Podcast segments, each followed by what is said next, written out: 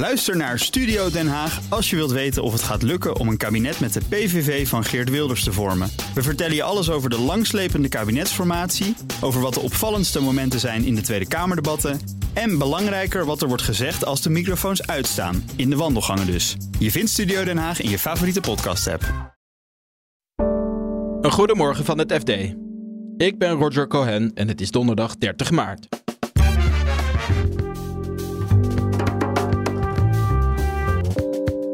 Philips is bereid om de apneu-affaire te schikken. Dit is een soort grote zwarte wolk, donkere wolk die al twee jaar boven Philips hangt. Dus daar willen ze vanaf. En het alternatief is eindeloos procederen. Ralf Hamers moet het veld ruimen bij UBS. Ja, want uh, Hamers werd in Nederland wel eens genoemd als uh, de machtigste bankier van, van Zwitserland. Maar de werkelijke touwtjes in handen heeft, uh, heeft die Con Kelleher, ook wel King Kong genoemd. En DJ Chesto sleept zijn belastingadviseur voor de rechter. Ja, door dat verkeerde advies heeft hij dus moeten afrekenen met de Amerikaanse fiscus. Dus de kosten die hij daarvoor heeft gemaakt, het, dat loopt dus zeer waarschijnlijk in de, uh, in de tonnen, uh, misschien wel miljoenen. Dit is de dagkoers van het FD. Philips zit nog steeds in zijn maag met de apneu-affaire. Het bedrijf moest ruim 5 miljoen apparaten terugroepen omdat die mogelijk schadelijke stoffen uitstoten. Nu is Philips bereid om te schikken met de slachtoffers. Zij topman Roy Jacobs tegen redacteur biotechnologie Tjeu Vase. Ja, ze willen dit achter zich laten. Hè. Dit is een soort grote zwarte wolk, donkere wolk die al twee jaar boven Philips hangt. Dus daar willen ze vanaf. En het alternatief is eindeloos procederen. Met zoveel woorden heeft de topman Jacobs dat niet gezegd. Maar hij zei wel, ja, de markt verlangt het van ons. De markt wil duidelijkheid. Dat soort uh, tekst. Dus de markt zijn dan beleggers. En de, het aandeel van Philips staat erg laag, is 70% gedaald. Dus wil dat weer gaan klimmen, dan, dan is dit het eerste wat opgehelderd moet worden. De totale kosten die op Philips afkomen. En met wie willen ze schikken? Ze willen schikken met patiënten. In de praktijk is dat vooral hun advocaten natuurlijk. En dan moet je dat ook weer onderscheiden in twee delen. Ze zeggen nu, we verwachten dat we dit jaar gaan schikken de economische schade. Dus patiënten hebben claims ingediend omdat ze niet hebben kunnen werken. Ze konden het apparaat niet gebruiken. In de Verenigde Staten speelt dit met name of ze hebben een ander apparaat moeten kopen. Ze hebben andere vorm van economische schade geleden. En daarvan verwacht Philips dat ze dat dit jaar eigenlijk wel kunnen schikken. En dat is waarschijnlijk ook een betrekkelijk eenvoudige rekensom. Van hoeveel, mensen hoeveel inkomen mensen zijn misgelopen. Dus dat is relatief eenvoudig. Ingewikkelder is de uh, de schikking over de medische schade. Dus die apparaten hebben mogelijk gezondheidsschade veroorzaakt bij patiënten, mogelijk zelfs kanker. Dat is ingewikkelder, dat zegt Jacobs ook. Niettemin hoopt hij dat dat misschien dit jaar al kan geschikt worden of opgelost kan worden. En anders in ieder geval volgend jaar. En noemt hij ook bedragen? Nee, dat, uh, die laat hij zorgvuldig af, uh, achterwege. En natuurlijk, eerder hebben uh, financiële analisten noemen wel bedragen. En dan gaat het dus over miljarden. Hè. Vergis je niet, het zijn tienduizenden patiënten die Philips aansprakelijk hebben gesteld. Dus het gaat echt om heel hoge bedragen. Maar zo, zodra Philips een, een serieuze calculatie kan maken, dan zijn ze verplicht om daar ook geld voor apart te zetten. En dat zullen ze dan pas bij de kwartaalcijfers gaan aankondigen. Ja, dus het, uh, wat schat de analisten dan in qua bedragen? Nou, ik heb bedragen gehoord tot 5 miljard. Maar er zijn, ja, daar, in die orde van grootte moet je denken. Het is op dit moment wel moeilijk te bepalen. Met name door dat punt van die, die medische schade. Dat kan echt nog wel een serieus gevecht worden. Een advocatenfeest. Een advocatenfeest, precies. En, en, en een serieus gevecht om. Ja, de advocaten zullen natuurlijk zeggen: uh, mijn patiënt is ziek geworden door het Philips-apparaat dat is wel een ingewikkelde kwestie. Maar ik vond het toch veelzeggend dat de termijn die Jacobs noemde, hè, mogelijk al dit jaar, begin volgend jaar. Dat betekent toch dat hij niet van plan is om tot einde van dagen met die claimadvocaten ruzie te gaan maken over de hoogte van die, uh, van die schadevergoedingen. En waar gaat dit plaatsvinden? Is dit alleen maar in de VS of ook hier in Nederland? Nou ja, dit speelt vooral in de VS omdat daar die schadevergoedingen zo hoog zijn. Maar ook in Nederland zijn, uh, zijn patiënten die Philips aansprakelijk hebben gesteld. Uh, dat gaat om zeker 600, 700 patiënten. Dat speelt ook in Frankrijk, uh, in Chili, in Israël. Het speelt over de hele wereld. Want vergis je niet, dit is een enorme zaak. Dus Philips heeft 5 miljoen apparaten moeten terugnemen. Dus het gaat om zeker 5 miljoen patiënten die in potentie Philips aansprakelijk kunnen stellen. En waarom heeft het eigenlijk zo lang geduurd voor Philips om tot deze ommezwaai te komen? Uh, nou ja, ommezwaai. Je doet misschien op de andere opstelling van de topman. Een half Ja, jaar geleden is Ja. eh, topman Frans van Houten... die is vervroegd met pensioen gegaan. En sindsdien merk je dat er echt een andere wind waait. Van Houten zat veel meer op een koers van confrontatie. Van Philips valt niks te verwijten.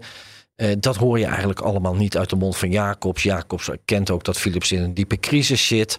Spreekt eigenlijk niet tegen dat Philips dingen te verwijten zijn. In, in het laten melden van die problemen bij. eh, althans, dat de dochterbedrijf onvoldoende scherp is geweest bij het melden van die problemen. Dus er waait echt een andere wind bij Philips sinds oktober, sinds deze Roy Jacobs daar de hoogste man is. Oké, en tot slot, er is ook sprake van een schikking met de Amerikaanse toezichthouder, toch? De FDA. Ja, dus dat, dat is ook nog eh, belangrijk. Dat hangt al een tijdje boven de markt. Daar heeft Philips al eerder van bekendgemaakt dat ze met de FDA in gesprek zijn over een schikking. Daarvan zei Jacobs ook dat hij verwacht dat in de eerste helft van dit jaar daar een akkoord over komt. Maar zegt hij, ik heb dat niet in de hand, want uiteindelijk is de FDA die het tempo bepaalt. En eh, wat voor bedrag wordt daar aangeplakt door analisten? Nou, Philips heeft eerder al op dit punt een reservering genomen uit mijn hoofd van 1,3 miljard. En hoeveel daar dan precies voor deze schikking is gereserveerd, dat weet ik even niet. Maar in deze orde van grootte moet je denken. Ralf Hamers stopt als topman van de Zwitserse bank UBS. Na de overname van concurrent Credit Suisse kiest de bank voor een ervaren vervanger. Dat was ook een verrassing voor correspondent Gerben van der Marel, die vorige week nog in Zurich was. Dat is wel een onverwachte ontwikkeling eigenlijk, want hij stond wel onder druk intern en ook eh, eh, in de Zwitserse media stond hij eh, bloot aan kritiek. Maar dat is zo snel, zo snel zijn aftocht zou afgekondigd zou worden, dat is eigenlijk wel, eh, wel een verrassing, ja. Wat was die kritiek eigenlijk? Nou, het zijn verschillende dingen. Belangrijkste is eigenlijk dat ehm, ja, hij als eh, bankier uit Nederland met vooral ervaring in de retail, retailbanken, dus eh, bankieren voor particuliere cliënten en klanten, ehm, eh, dat daar zijn sterke kracht ligt. Digitalisering, dat heeft hij met ontzettend veel succes doorgevoerd bij ING en vooral ook in het buitenland indruk gemaakt, in Duitsland, maar ook in, Zwitserland, waar de banken toch achter liggen als het gaat om apps en dergelijke en andere dienstverlening via het mobieltje. Maar ja, zijn kracht is, eh, is, is, ja, ligt wat minder sterk in de, in de grote opgave die, eh, die eh, UBS nu voor, eh, voor zich heeft. Ik kan er ook nog wel bij zeggen dat, dat zijn stijl, er is ook een soort spanning tussen hem en de president-commissaris. President-commissaris is een Ier van, die van Morgan Stanley kwam, 30 jaar gewerkt heeft daar en echt een bankier van de ja, oldschool bankier is. Geen rare fratsen, zoals ja, purpose en, eh, en agile werken, dat vindt hij allemaal oninteressant. En dat is natuurlijk waar ehm, eh, Ralf Hamers eh, wel sterk in is. En, eh, ja, toch zingeving aan het bankieren en aan het ondernemen. En dat is in deze woelige tijden toch minder gewenst. Ja, want die president-commissaris Colm Kelleher, dat is eigenlijk de man met de echte macht. Dus bij UBS blijkt nu helemaal. Ja, want uh, werd in Nederland wel eens genoemd als uh, de machtigste bankier van, van Zwitserland. Uh, zeker na die, uh, die onverwachte overname, redding eigenlijk hè, van Credit Suisse van tien dagen geleden. Maar de werkelijke touwtjes in handen heeft, uh, heeft die Con Kelleher, ook wel King Con genoemd. Dat ligt ook aan zijn stijl. Dat is het ene verhaal, deel van het verhaal. Maar de andere kant van het verhaal is misschien nog wel belangrijker. In Zwitserland heb je de Verwaltingsraad. Een soort van raad van commissarissen. Daar is hij de voorzitter van, president-commissaris, noemen we maar even voor het gemak. Uh, maar die heeft veel meer bevoegdheden dan de Nederlandse raad van commissarissen. Ze gaan over de strategie. Ze gaan natuurlijk over de invulling van ja, de CEO-post bijvoorbeeld. Uh, en ook in de integratie en in de onderhandelingen over de overname was het vooral deze Kelleher, deze Ier, deze houtdegen die het, die het woord voerde en, en ja, daar aan de knoppen zat. En Ralf Hamers, krijgt hij nog een vertrekbonus? Reken maar, um, in Zwitserland krijg je sowieso uitstekend betaald. Uh, de belastingdruk is ook uh, uh, relatief heel laag. zeker als je net buiten de stad woont zoals Ralf Hamers. nou, ik geloof dat hij 12 miljoen per jaar kreeg. Dat, was, um, dat is voor Nederlandse begrip natuurlijk ontzettend veel. maar hij zal ook een grote flinke afzwaaienbonus meekrijgen. Een premie. hoe groot die is, dat is onbekend. Um, uh, maar hij is hier financieel van dit avontuur zeker niet slechter van geworden. Oké, okay, en het opvallende is dus dat hij wordt opgevolgd als CEO door zijn voorganger.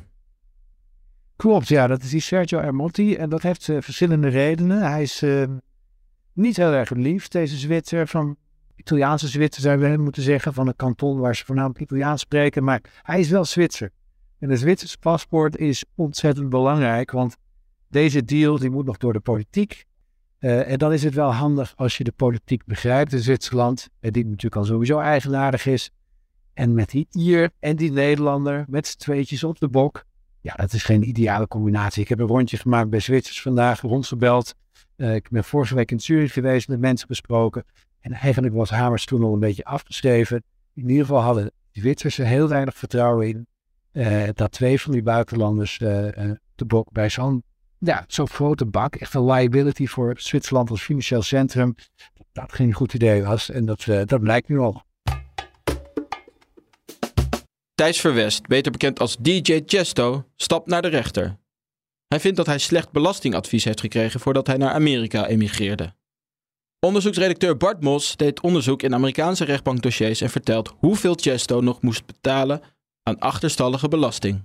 Nou, dat loopt al snel in de tonnen, misschien wel miljoenen. Want Chesto, ja, die verdient volgens uh, Forbes uh, zo'n 40 miljoen dollar per jaar. Dat is, ik heb begrepen, zo'n 3 ton per optreden. Ja, hij doet er 100 per jaar, zag ik. Ja, ja een drukke meneer. Maar wat is dan de reden dat hij nu toch naar de, de rechter stapt? Ja, Chesto stelt dat hij verkeerd advies heeft gekregen van zijn belastingadviseur. Die werkte toen bij Greenberg Traurig, dat is een groot Amerikaans advocatenkantoor. Ja, door dat verkeerde advies heeft hij dus onlangs moeten afrekenen met de Amerikaanse fiscus. Ja, want hij moet nu achterstallige belasting betalen, klopt dat? Ja, uh, hij is in 2013 verhuisd naar New York, Chesto. En in de jaren daarna heeft hij dus kennelijk uh, te weinig belasting betaald. En daar is hij op aangesproken door de Amerikaanse Belastingdienst. Volgens zijn advocaat heeft hij zelf besloten om een regeling te treffen met de, met de Belastingdienst. Dus de kosten die hij daarvoor heeft gemaakt, het, dat loopt dus zeer waarschijnlijk in de, in de tonnen, misschien wel miljoenen. Die kosten wil hij verrekenen op zijn belastingadviseurs.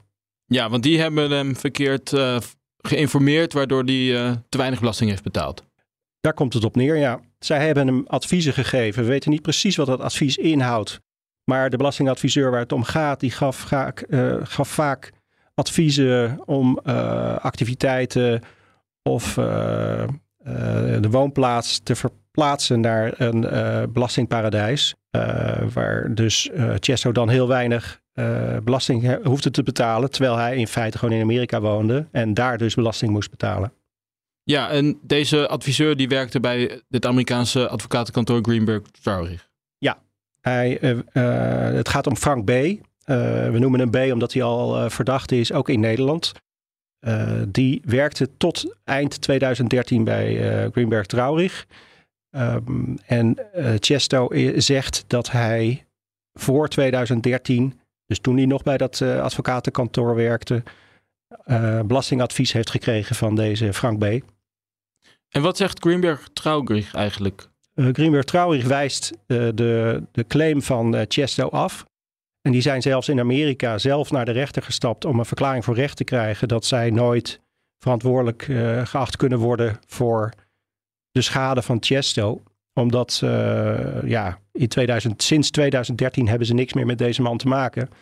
En de belastingclaim in Amerika heeft betrekking op de jaren na 2013. En die Frank B., daar heb je vorige, vorige week ook over geschreven, hè? Ja, klopt. Frank B., ook wel fiscalist van de sterren genoemd, omdat hij in Nederland diverse DJ's Afrojack, Headhunters, maar ook bekende acteurs, maar ook Linda de Mol van advies heeft gediend. Die is in Italië gearresteerd op verzoek van Amerikaanse autoriteiten. Er loopt namelijk in Amerika ook een strafrechtelijk onderzoek tegen hem. En hij zit dus nu vast in Italië op afwachting van uitlevering aan Amerika.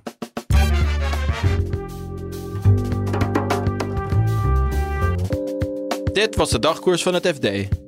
Morgen zijn we er weer met een nieuwe aflevering. En ondertussen lees je het laatste financieel-economische nieuws in onze app. Voor nu, een hele fijne dag en graag tot morgen.